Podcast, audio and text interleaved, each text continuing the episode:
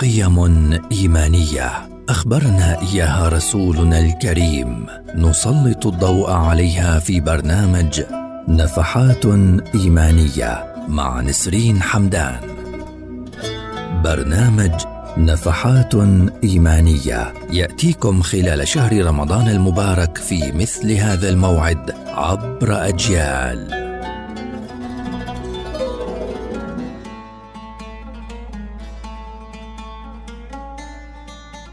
أسعدتم أوقاتا سيداتي وسادتي في نفحات إيمانية وفيها اليوم الكلمة الطيبة. أهلا بكم. الكلمة الطيبة ليست سهما لكنها تخترق القلوب. هي تساوي الكثير على الرغم من أنها لا تكلف إلا القليل. الكلمة الطيبة تجدها رقيقة جميلة لا تعمل على إيذاء الآخرين ولا تخدش نفوسهم. الكلمة الطيبة صدقة. هي هداية الله وفضله على عباده الصالحين. هي أجمل الهدايا وأقلها سعرا. الكلمة الطيبة هي بطاقة للمرور إلى قلوب الناس ولها أثر طيب في النفوس.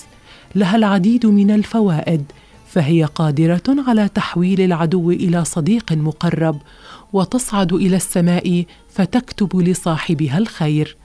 الكلمة الطيبة من الممكن أن تكون سببا في هداية شخص ما فهي من الأعمال الصالحة التي نتوسل بها إلى الله جل علاه وقد تكون من أحد الأسباب في دخولنا الجنة وقد نكون سببا في الصلح بين المتخاصمين.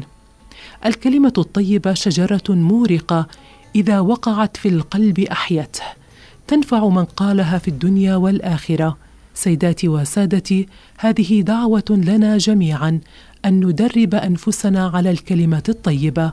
قال صلى الله عليه وسلم من كان يؤمن بالله واليوم الآخر فليقل خيرا أو ليصمت. دمتم بكل خير وإلى اللقاء.